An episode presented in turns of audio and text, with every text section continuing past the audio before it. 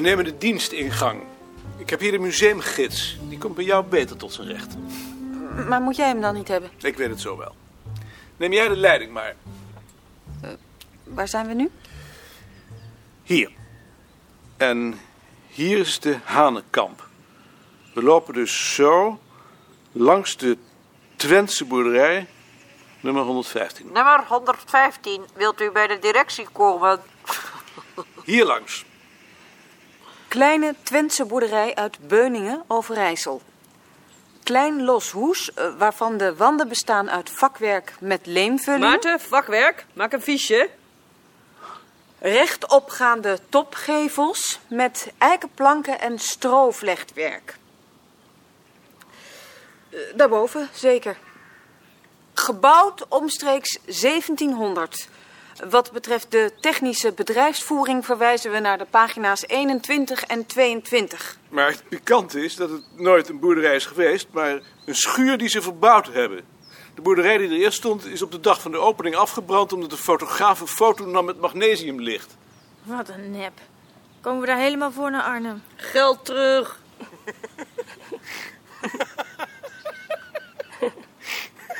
De boerderij staat met de bedrijfsingang naar de weg gekeerd. Is dat de bedrijfsingang? Nee, nee, dat slaat op de Drentse boerderij. Omdat ze hiernaar verwijzen. Dat is niet echt duidelijk. Nee, Moeten we ook niet nog even binnenkijken? nee eerst koffie drinken. Anders komt ons tijdschema aan de bar. Gert! Present! Kom mee naar buiten allemaal, dan zoeken wij de wielen wel. Ik ga wat bestellen. Was je eigenlijk al eens in het Openluchtmuseum geweest, Lien? Nee. Maar ik was het wel al lang van plan. Het is wel aardig als je maar niet denkt dat het een beeld van het verleden geeft. Het komt eraan. Deze herberg heeft in de Wipstrikker Allee gestaan. Tegenover het huis van mijn grootvader. Daarom moesten wij hier zeker koffie drinken. Dacht ik het niet. Ik kan het niet vinden. Er staat hier, zie pagina 43, maar op pagina 43 staat de Kempische boerderij uit Budel. Kijk maar. Staat er vlak boven. Eén zin. Oh ja. Allemachtig, is dat voor ons? We hoeven straks niet meer te eten. Nou, ik wel hoor. Trakteer jij? Nee, Gert. Eh, niks hoor. Ja, Gert, dan moet jij eens tracteren. Vinden jullie dat ik te weinig trakteer? Vandaag is alles op kosten van het Rijk. We waren hier een keer met mijn vader. Eh, en volgens hem leek het niets op vroeger. Oh. Toen was het een herberg waar de boeren aanlegden als ze van de veemarkt kwamen. Ze hebben er een idylle van gemaakt. Het stikt hier van de wespen. Dan moet je niet slaan. Dan steken ze juist. Moet je kijken of er nog wat in dat flesje zat. Er zat een wesp in. Moeten die ook al beschermd worden? Nee, zijn ook dieren. Jij slaat ze zeker dood. Als ik er last van heb. Mijn grootvader had een eh, vliegenmepper. En als hij dan een vlieg wilde doodslaan, deed hij zijn ogen dicht. hij wou het niet zien. Was dat die grootvader die hier tegenover woonde?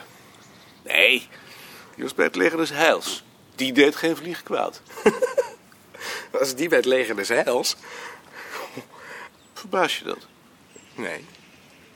Maar ik geloof niet dat ik dat zou vertellen. Ik ben er zelfs trots op. Je bent er trots op. In zijn Bijbel staat... Christelijk Nederland geeft 70 miljoen aan sterke drank, 45 miljoen aan wijn en bier, 60 miljoen aan tabak en sigaren en maar 600.000 gulden aan de zending. Moet dat zo blijven?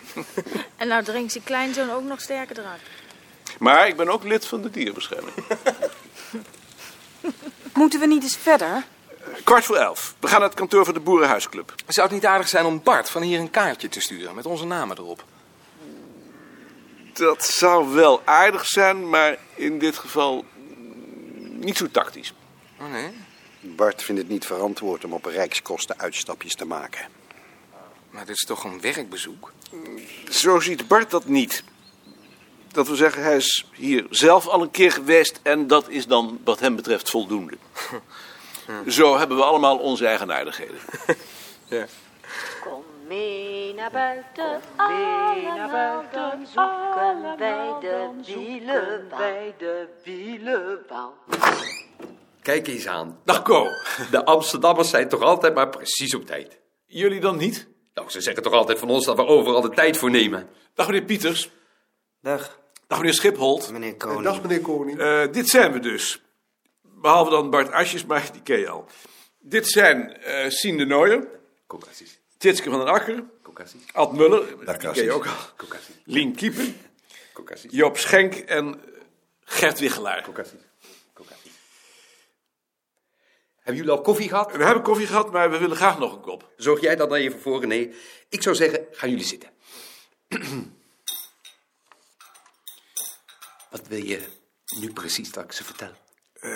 Ik wou graag dat je ze een opmetingstekening liet zien en uitlegde hoe die tot stand komt. En, eh, en dan het tekeningenarchief en het fotoarchief, zodat ze weten wat hier te vinden is en hoe het is opgeborgen. En iets van de geschiedenis natuurlijk. Wow, in grote lijnen. Nou ja, nou, maak je maar geen zorgen. Jullie zijn hier dus, in het kantoor van de Boerenhuisclub. Met een baas die in het bestuur zit, hoef ik wel niet te vertellen wat dat is. Dat weten jullie natuurlijk beter dan wie ook. Maar voor de goede orde wil ik toch enkele punten aanstippen die van belang zijn. Nederland telt op het ogenblik circa 130.000 boerderijen. Waarvan er een 15.000 tot de categorie van in cultuurhistorisch opzicht waardevolle objecten behoren. En van die 15.000 staan er ruim 5.000 op de monumentenlijst. Dat betekent dat er 10.000 vogelvrij zijn en door snelle veroudering van de zich erin bevindende grubstallen en de niet aflatende moderniseringsgolf van lichtboksenstallen in grote getalen worden afgestoten. En Dat betekent dat we verreweg het grootste deel van ons historisch boerderijbezit binnen afzienbare tijd zullen verliezen. En dat het onze plicht is om in ieder geval de ten ondergang gedoemde boerderijen door opmeting als historisch document voor het nageslacht veilig te stellen. Hm, Maar misschien heeft iemand van jullie nog een vraag.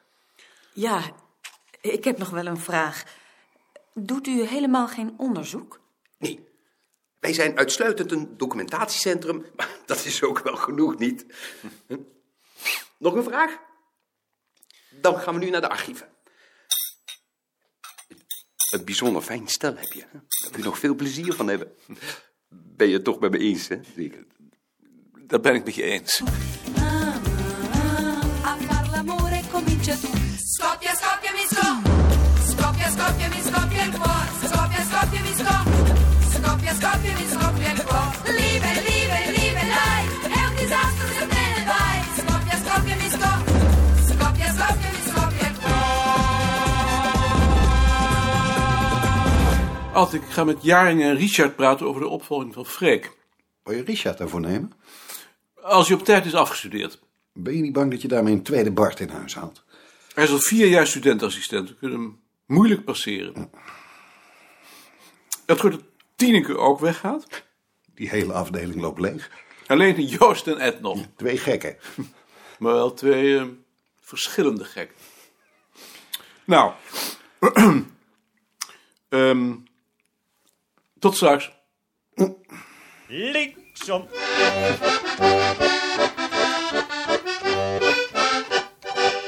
Hoe had je het je voorgesteld? Als jij het woord zou willen doen. Goed. En de vacature Tineke?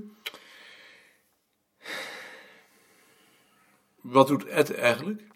Ik zou het niet zo precies weten. In de tijd hielp hij Elsje met de systemen. Ik neem aan dat hij dat nog doet als hij niet is ingestort. Is hij nou nog altijd onder behandeling van een psychiater? En dat zal ook nog wel even duren, want hij zou nu weer naar een soort opvanghuis gaan. Eigenlijk zou je zo iemand in vaste dienst moeten nemen, zoals in de tijd Slofstra. Maar tegenwoordig lukt dat niet meer. Ze zijn zelfs de dood voor. Zeker zolang hij bij de psychiater loopt. Dus ook maar niet proberen. Dat lijkt me geen zin hebben. Maar als jij het wilt proberen. Nee, het is zinloos. Zullen we Richard er dan maar eens bij halen? Goed. Rechtsom. Dag Maarten. Dag Richard, ga zitten. Zeg het eens.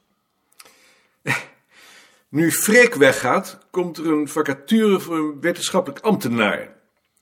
Wij vinden dat jij daar als eerste voor een aanmerking komt. Gesteld dat je dat wilt, natuurlijk. Wanneer studeer je af? Waarom moet je dat weten?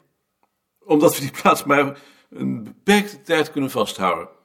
Als jullie tegen Balk zeggen dat je mij daar wilt hebben, moet dat toch voldoende zijn? Nee, dat is niet voldoende. Ik moet een termijn kunnen noemen, anders krijg ik geen toestemming. Ik ben in mijn laatste jaar, maar ik kan niet garanderen dat ik dan ook afstudeer. Daar zou ik eerst nog eens over moeten nadenken. Hoe lang heb je daarvoor nodig? Een week? Dan ben ik in Ierland. Kan het niet eh, eerder? Nee. Een week heb ik beslist nodig. Eh, Jaring, eh, dan zou jij het met Balk moeten bespreken. Ik heb eigenlijk liever dat jij dat doet. Goed, dan stellen we het uit tot ik terug ben.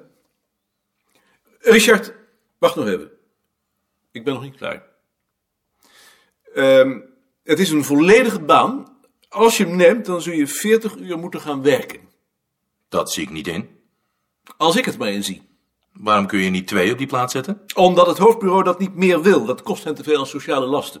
Dat zou ik dan eerst nog wel eens van hen zelf willen horen. Vraag het hun. Bij wie moet ik dan zijn? Je kunt het aan Balk vragen en op het hoofdbureau aan Uit Den Haag of aan de, aan de president natuurlijk. Dank je. Ben je dan nu wel klaar? Nu ben ik klaar. Dan zal ik erover nadenken. Doe dat. Linksom. Het is wel een scherpslijper. Ja, Maar goed, we zullen zien. Ik zal er geen traan om laten als hij het niet doet.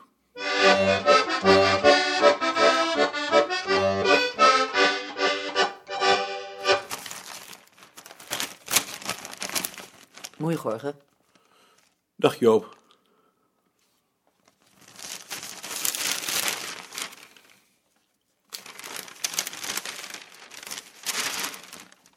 Dag Maarten. Dag Bart.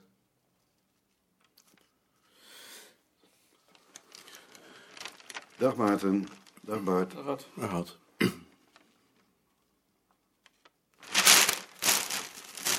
Beste meneer Koning, ik zal proberen om voortaan Maarten te zeggen, maar neemt u het me niet kwalijk als het mij nog niet dadelijk gelukt. Gert.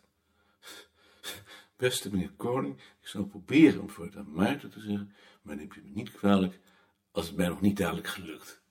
Gert. Ik zal je vorderingen met belangstelling volgen. Oh, ja. Ja. Hm. Maarten,